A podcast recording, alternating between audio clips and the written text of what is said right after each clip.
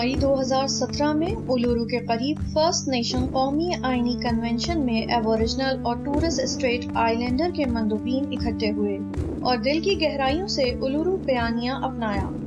بیان میں آسٹریلیائی آئین میں تبدیلی کی تجویز پیش کرتے ہوئے آسٹریلیا کی اولین اقوام کو تسلیم کیا گیا ہے اور سچائی، انصاف اور خود ارادیت پر مبنی ایک راہ آگے بڑھنے کے لیے پیش کی گئی ہے۔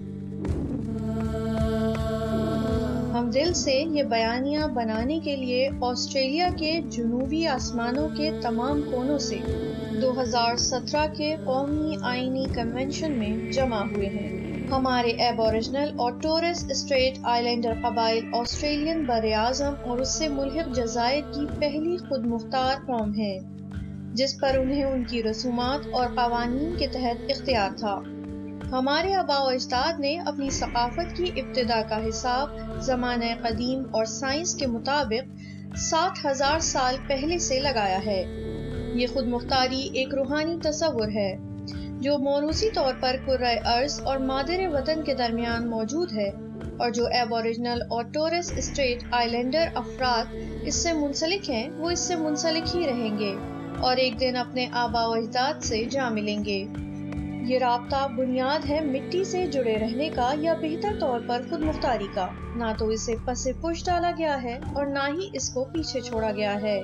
یہ خود مختاری کے تاج کے ہمراہ بقائے باہمی کے تحت موجود ہے۔ لوگ جو ساٹھ ہزار سالوں سے ایک زمین کے باسی ہیں اور ان کا رابطہ دنیا کی تاریخ سے محض آخری دو سو سال میں مٹ جاتا ہے۔ اس کی کیا وجہ ہو سکتی ہے؟ بنیادی آئینی تبدیلیوں اور اسٹرکچرل اصلاحات کے ساتھ ہمارا ایمان ہے کہ یہ خود مختاری اپنی تمام تابناکی کے ساتھ آسٹریلین قومیت میں چمک اٹھے گی۔ تناسب کے اعتبار سے ہم قرعرض پر سب سے زیادہ قید میں رہنے والے افراد ہیں۔ ہم در حقیقت مجرم نہیں ہیں۔ ہمارے بچے بڑی تعداد میں اپنے خاندانوں سے علیحدہ ہو گئے ہیں۔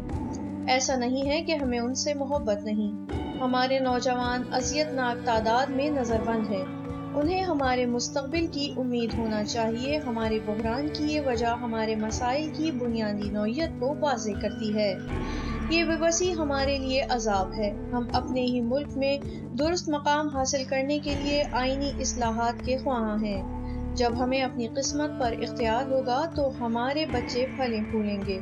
وہ دونوں عالم میں ساتھ چلیں گے اور ان کی ثقافت ان کے ملک کے لیے تحفہ ہوگی۔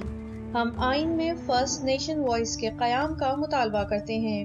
مکاراٹا ہمارے ایجنڈے کی انتہا ہے یعنی کہ جد و جہد کے بعد اکٹھا ہونا۔ یہ انصاف اور سچائی کے ساتھ ہمارے بچوں کے بہتر مستقبل کے لیے آسٹریلین افراد کے ساتھ انصاف اور حق خود ارادیت پر مبنی روابط کا احاطہ کرتا ہے۔